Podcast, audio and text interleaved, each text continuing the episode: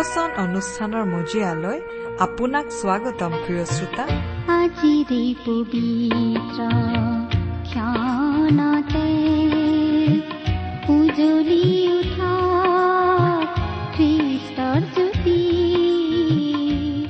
প্ৰিয় শ্ৰোতা আপুনি নিজকে খুব অকলশৰীয়া অসহায় অনুভৱ কৰিছে নেকি তেন্তে আপোনালৈ আনিছো এটি সুখ সেয়া হৈছে আপোনাৰ দুখ যাতনা কষ্ট যিমানেই বেদনাদায়ক হলেও প্ৰভু যীশুৱে আপোনাৰ লগ কেতিয়াও নেৰে তেওঁ সদায় আপোনাৰ সংগে সংগে আপোনাৰ পদে পদে আপোনাৰ সাৰথি হৈ লগতে থাকে।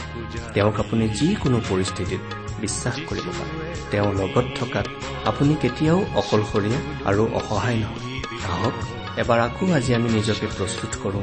ঈশ্বৰৰ জীৱনময় বাক্যৰ শিক্ষামূলক অনুষ্ঠান ভক্তিবচন শুনিবলৈ।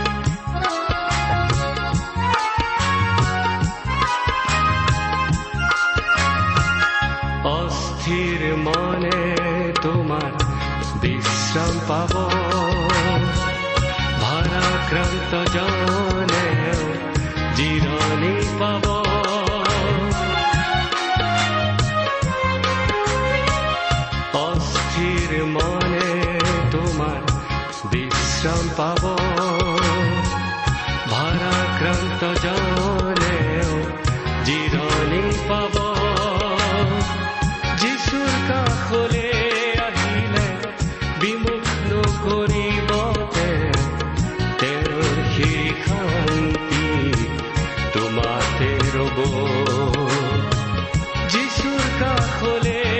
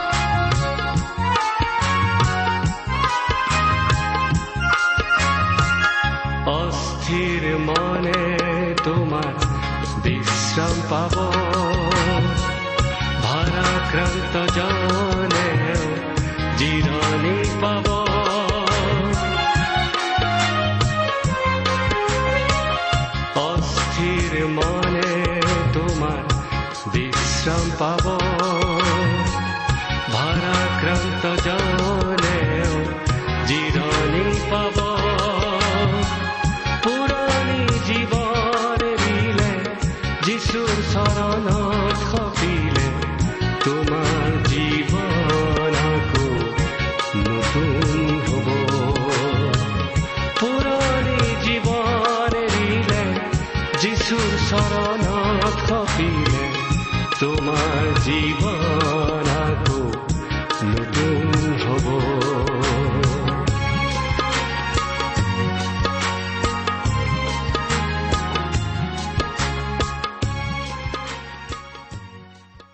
আমাৰ মহান ত্ৰাণকৰ্তা প্ৰভু যীশুখ্ৰীষ্টৰ নামত নমস্কাৰ প্ৰিয় শ্ৰোতা। আশা কৰো আপুনি আমাৰ মহান পিতা পৰমেশ্বৰৰ মহান অনুগ্ৰহত ভালে কুশলে আছে। আমি লগতে এই বুলিও আশা কৰিছো যে আপুনি আমাৰ এই ভক্তিপচন অনুষ্ঠানটো নিয়মিতভাৱে শুনি আছে। আমাৰ বহুতো শ্ৰোতাই আমালৈ চিঠি পত্ৰও লিখি থাকে। আৰু এই অনুষ্ঠান শুনি উপকৃত হোৱা বুলি বহুতো শ্ৰোতাই আমাক চিঠি লিখি জনায়। শ্ৰোতাসকলৰ পৰা তেনেকুৱা চিঠিবোৰ পালে। আমি কাম কৰি যাবলৈ যথেষ্ট উৎসাহ পাওঁ। প্ৰিয় শ্ৰোতা আপুনি বাৰু কেতিয়াবা আমালৈ চিঠি লিখিছেনে? যদি লিখা নাই অনুগ্ৰহ কৰি আজিয়ে দুখাৰিমান লিখি পঠিয়াবচোন। এই অনুষ্ঠানযোগে প্ৰচাৰ কৰা কোনো কথা অধিককৈ বুজিবলগীয়া থাকিলেও আমালৈ লিখিব পাৰে। আহকচোন। আজিৰ বাইবেল অধ্যয়ন আৰম্ভ কৰাৰ আগতে খন্তেক প্ৰাৰ্থনাত মূৰ দুৱাওঁ। আমি প্ৰাৰ্থনা কৰো। স্বৰ্গত থকা আমাৰ অতি মৰমীয়াল পিতৃ ঈশ্বৰ তোমাক ধন্যবাদ জনাওঁ কাৰণ তোমাৰ মহান বাক্য বাইবেল শাস্ত্ৰ অধ্যয়ন কৰিবলৈ তুমি আমাক আকৌ এটা সুযোগ দান কৰিছা। তোমাক শতকোটিবাৰ ধন্যবাদ জনাওঁ কাৰণ তুমি তোমাৰ একেজাত পুত্ৰ যীশুখ্ৰীষ্টৰ জৰিয়তে আমালৈ অনন্ত জীৱনৰ আশীৰ্বাদ বিনামূল্যে আগবঢ়াইছা। এতিয়া আহা পিতা তোমাৰ বাক্য তুমিয়েই আমাক বুজাই দিয়া। আমাৰ মৰমৰ শ্ৰোতাসকলক উপচি পৰাকৈ তুমি আশীৰ্বাদ কৰা। তেওঁলোকৰ সকলো প্ৰয়োজনৰ কথা তুমিহে ভালদৰে জানা আৰু সেই সকলো তুমিয়েই পূৰণ কৰা। কিয়নো এই প্ৰাৰ্থনা আমাৰ মহান ত্ৰাণকৰ্তা মৃত্যুঞ্জয় প্ৰভু যীশুখ্ৰীষ্টৰ নামত আগবঢ়াইছো। আমেন।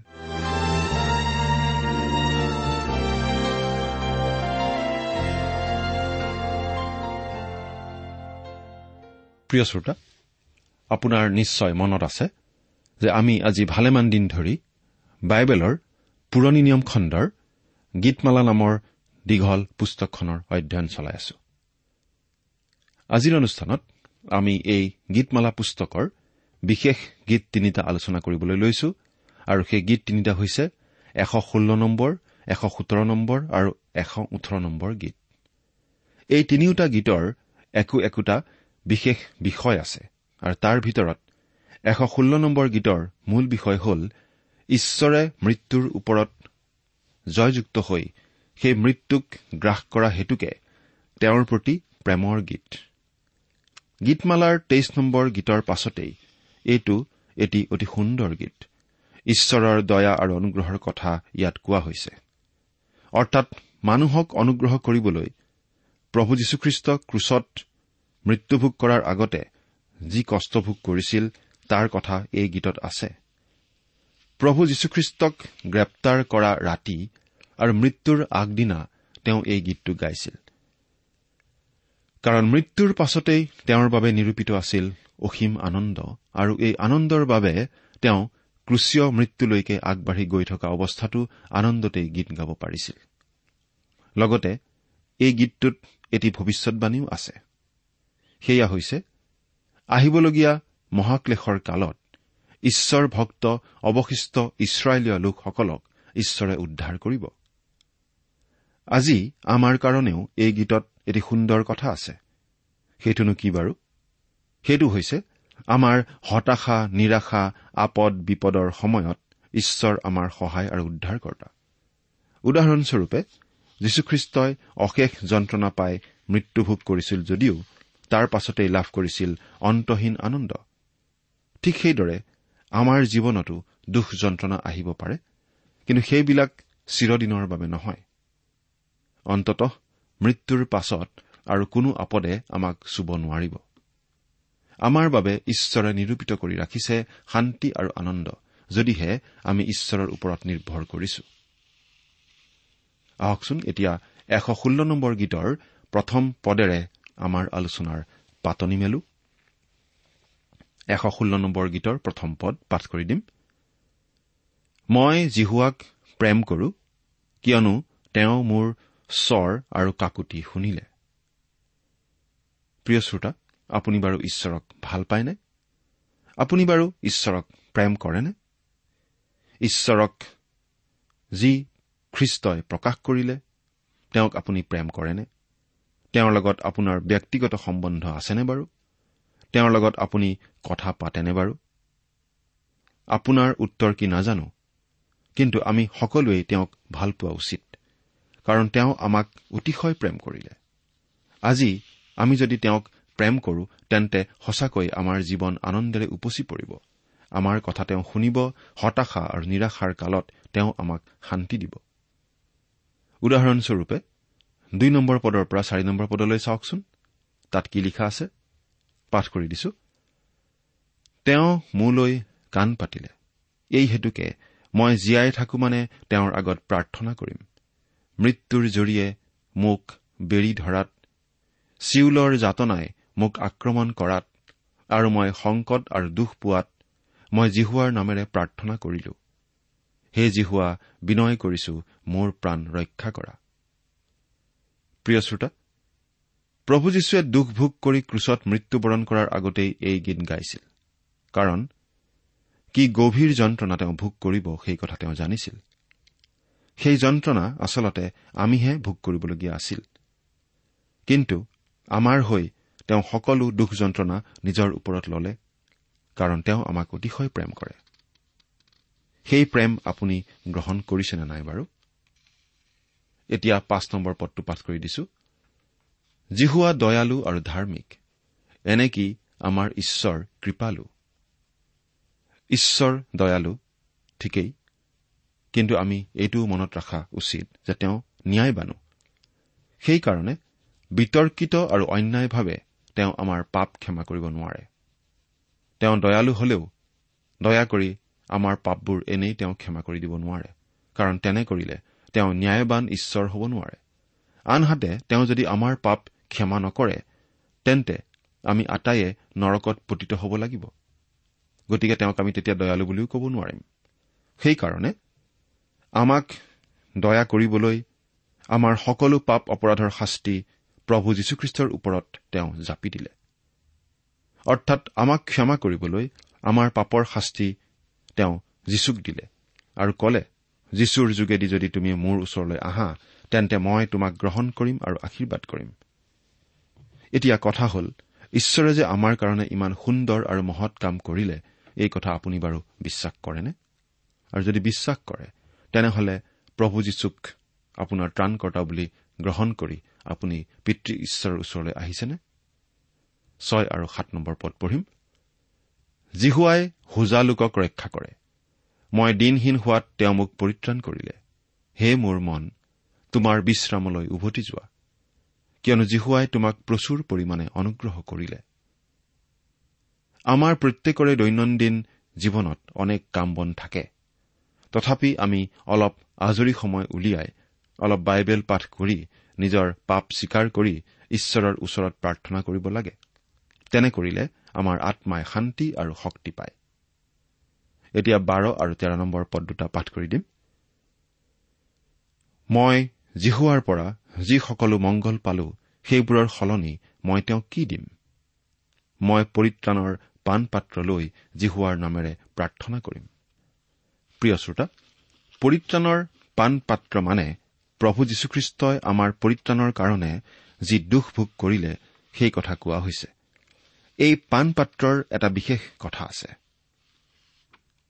ইছৰাইলীয় লোকসকলে নিষ্ঠাৰ পৰ্ব পালন কৰিছিল আৰু তেতিয়া তেওঁলোকে ঘূৰণীয়াকৈ থিয় হৈ হাতত এটা পিয়লা লৈ এজনে আনজনলৈ আগবঢ়াই দিছিল আৰু সেই সময়ত এই গীত ফাঁকি গাইছিল।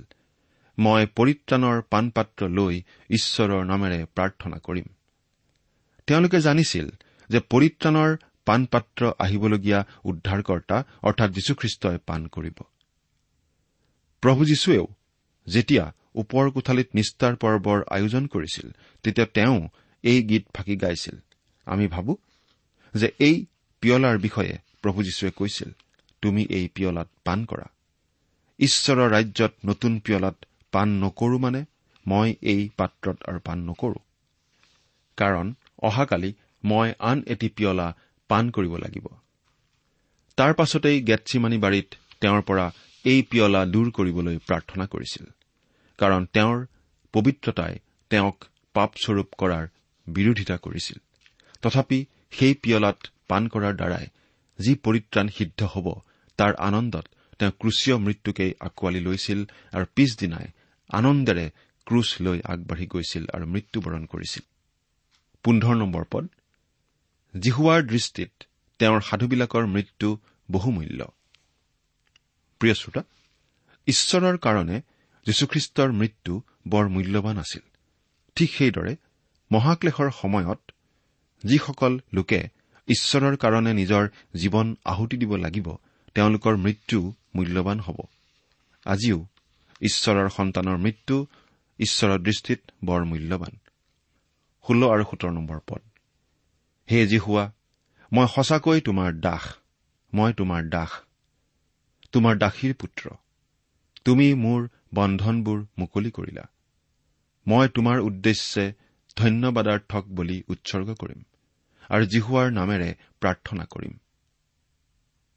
প্ৰিয় শ্ৰোতা ঈশ্বৰে আমাক জগতৰ সকলো বস্তু দিয়াৰ উপৰিও আমাৰ পৰিত্ৰাণৰ কাৰণে তেওঁৰ নিজ পুত্ৰ যীশুখ্ৰীষ্টকেই ক্ৰুচত দিলে। কিন্তু আমাৰ পৰা তেওঁ একো বিচৰা নাই। তথাপি আমি ঈশ্বৰৰ প্ৰতি কৃতজ্ঞ হ'ব লাগে আৰু তাৰ চিনস্বৰূপে ঈশ্বৰক ধন্যবাদ দিব লাগে। আৰু আমি যদি ধন্যবাদ দিওঁ তেন্তে ঈশ্বৰে বৰ আনন্দ পায়। এতিয়া আমি এশ সোতৰ নম্বৰ গীতলৈ আগবাঢ়ো।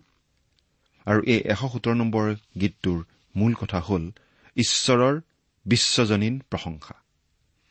গোটেই গীতমালাৰ ভিতৰত এইটো আটাইতকৈ চুটি গীত যদিও এই গীতটো অতি অৰ্থপূৰ্ণ।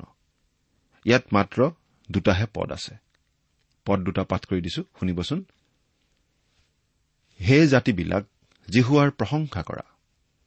হে সমস্ত লোকসমূহ তেওঁৰ শলাগ লোৱা। কিয়নো আমালৈ তেওঁৰ দয়া মহৎ। আৰু জিহুৱাৰ সত্যতা চিৰকাললৈকে থাকে। তোমালোকে জিহুৱাৰ প্ৰশংসা কৰা।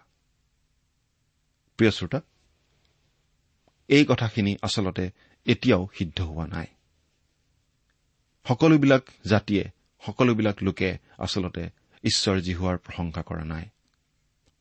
এই কথাখিনি এতিয়াও সিদ্ধ হোৱা নাই যদিও এদিন এই কথাখিনি সিদ্ধ হবই। ভৱিষ্যতে এই কথাখিনি সিদ্ধ হবই। অৰ্থাৎ এনে এটি দিন আহি আছে যি দিনত পৃথিৱীৰ সকলো জাতি সকলো দেশ সকলো ভাষা ভাষীৰ লোকে একেলগে ঈশ্বৰৰ প্ৰশংসা কৰিব। মহাক্লেশৰ অন্ধকাৰ যুগক লৈ আমি বহুতে নিৰাশ হওঁ। কিন্তু সেই মহাক্লেশৰ অন্ধকাৰৰ পাছতেই যে প্ৰভু যীশু পুনৰ পৃথিৱীলৈ আহিব আৰু তেওঁৰ ধাৰ্মিকতাৰ শান্তিৰাজ স্থাপন কৰি ইছৰাইলৰ লগতে গোটেই জাতিবোৰক প্ৰচুৰ পৰিমাণে দয়া কৰিব তেতিয়া সকলোৱে প্ৰভুৰ প্ৰশংসা কৰিব। এই বিষয়ে মিশা ভাৱবাদীৰ পুস্তকত সাত নম্বৰ অধ্যায়ৰ বিশ নম্বৰ পদত এইদৰে লিখা আছে তুমি আগৰ কালত আমাৰ পূৰ্বপুৰুষবিলাকৰ আগত যি শপত খাইছিলা সেই শপতৰ দৰে জাকুবলৈ সত্য ব্যৱহাৰ কৰিবা আৰু অব্ৰাহামক দয়াপ্ৰাপ্ত কৰিবা। আকৌ ইছৰাইলক দয়া কৰাৰ বিষয়ে চৌৱন্ন নম্বৰ অধ্যায়ৰ সাত আৰু আঠ নম্বৰ পদত এইদৰে কোৱা হৈছে মই অলপ সময়ৰ নিমিত্তে মাথোন তোমাক ত্যাগ কৰিছিলো কিন্তু অধিক দয়াৰে মই তোমাক গোটাম। বানপানী উঠাৰ দৰে খং উঠাত মই এক মুহূৰ্তৰ নিমিত্তে তোমাৰ পৰা মোৰ মুখ লুকুৱাই ৰাখিছিলো কিন্তু চিৰকলীয়া মৰমেৰে মই তোমাক দয়া কৰিম। তোমাৰ মুক্তিদাতা ঈশ্বৰে ইয়াকে কৈছে। গতিকে আজি নহলেও শেষকালত গোটেই জগতেই ঈশ্বৰৰ প্ৰশংসা কৰিব। এতিয়া আমি এশ ওঠৰ নম্বৰ গীতলৈ আগবাঢ়ো আৰু এই গীতৰ মূল কথা হ'ল মৃত্যুৰ আগে আগে প্ৰভু যীশুখ্ৰীষ্টই তেওঁৰ শিষ্যসকলৰ লগত গোৱা গীত। এইটো ঈশ্বৰৰ প্ৰশংসাৰ গীত। প্ৰভু যীশুৱে ক্ৰুচীয় মৃত্যুলৈ আগবাঢ়ি যোৱাৰ আগে আগে শিষ্যসকলৰ লগত এই গীতটো গাইছিল। অৰ্থাৎ ওপৰ কোঠালিত তেওঁলোকে যেতিয়া নিষ্ঠাৰ পৰ্বৰ আয়োজন কৰিছিল তেতিয়া তাত দুখ আনন্দ ভৰা অনিয়মিত ভাৱ এটা ফুটি উঠিছিল। আমাৰ প্ৰভু যীশুৱে তাতেই শিষ্যসকলৰ লগত নিষ্ঠাৰ পৰ্বৰ ভোজ খাইছিল আৰু মৃত্যুৰ আগে আগে এটা নতুন নিয়ম কৰিছিল।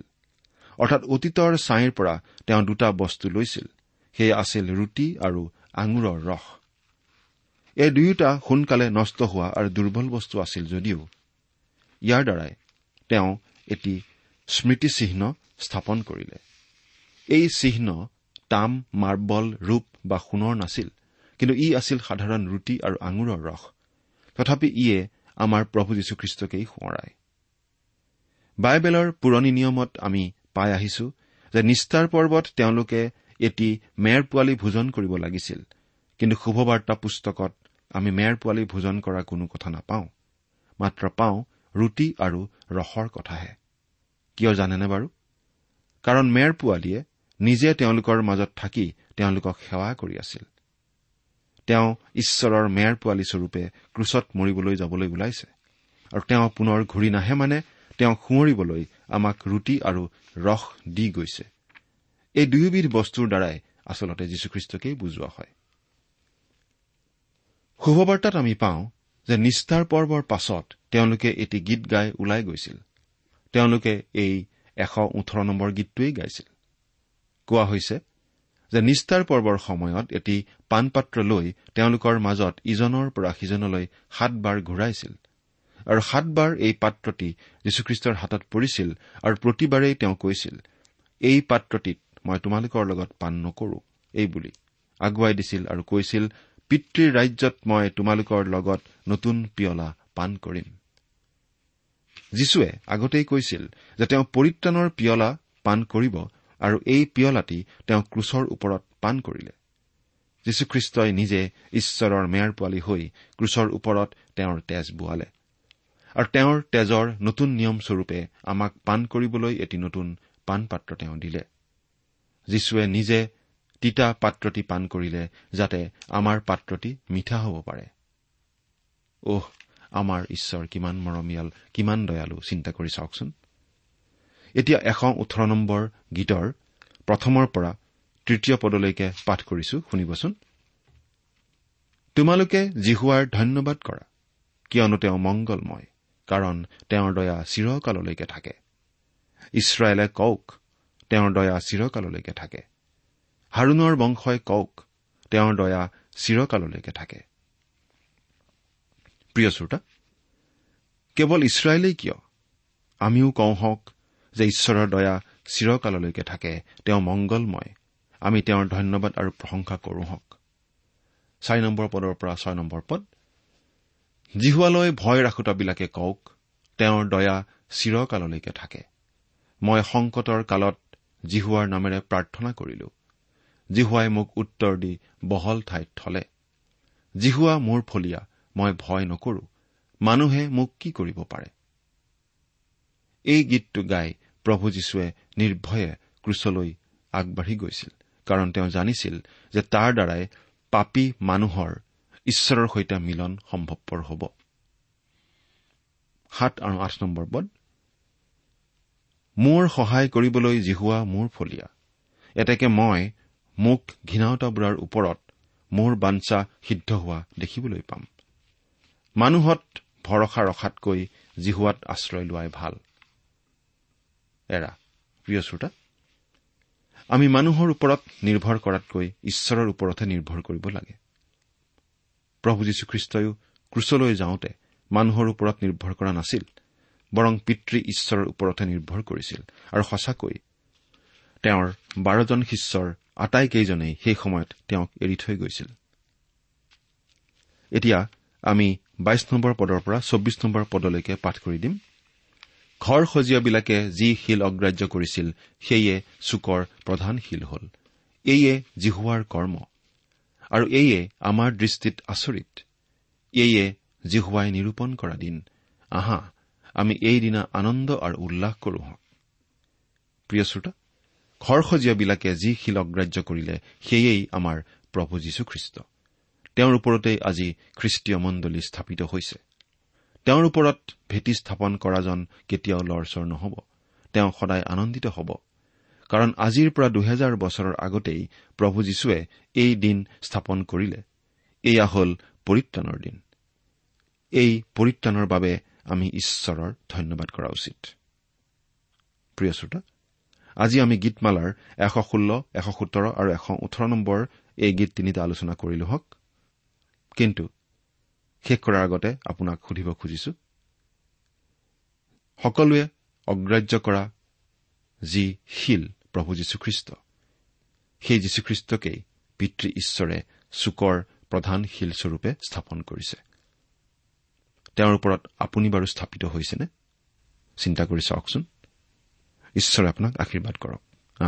প্ৰিয় শ্ৰোতা ইমান পৰে আপুনি বাইবেল শাস্ত্ৰৰ পৰা ঈশ্বৰৰ বাক্য শুনিলে এই বিষয়ে আপোনাৰ মতামত জানিবলৈ পালে আমি নথৈ আনন্দিত হওঁ। আমি প্ৰস্তুত কৰা বাইবেল অধ্যয়নৰ চিডিসমূহ পাব বিচাৰিলে আৰু অনুষ্ঠানত প্ৰচাৰ কৰা কোনো কথা বুজিব লগা থাকিলেও আমালৈ লিখক। আমাৰ যোগাযোগৰ ঠিকনা ভক্তিবচন ট্ৰান্সৱৰ্ল্ড ৰেডিঅ' ইণ্ডিয়া ডাক বাকচ নম্বৰ সাত শূন্য গুৱাহাটী সাত আঠ এক শূন্য শূন্য যদি লাগে জীৱন পৰিপূৰ্ণতা যদি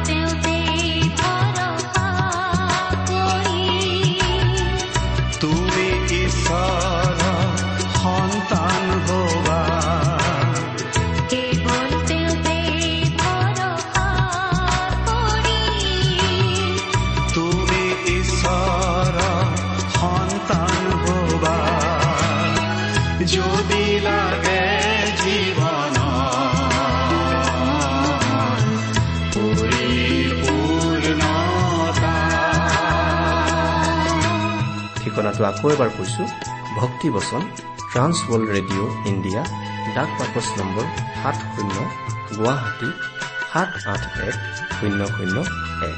আমাৰ ইমেইল এড্ৰেছটো হৈছে Assamese T TV at the rate radio' eight eight two dot com. আমাৰ website W W W dot T W R dot in. আপুনি টেলিফোনৰ মাধ্যমেৰেও আমাক যোগাযোগ কৰিব পাৰে। আমাৰ টেলিফোন নম্বৰটো হৈছে nine eight five four zero' four zero' eight eight nine phone নম্বৰটো আকৌ এবাৰ কৈছো ন আঠ পাঁচ চাৰি শূন্য চাৰি শূন্য আঠ আঠ ন। আপুনি এই ভক্তিপচন অনুষ্ঠানটি আমাৰ website radio' eight eight two dot কমতো শুনিব পাৰিব।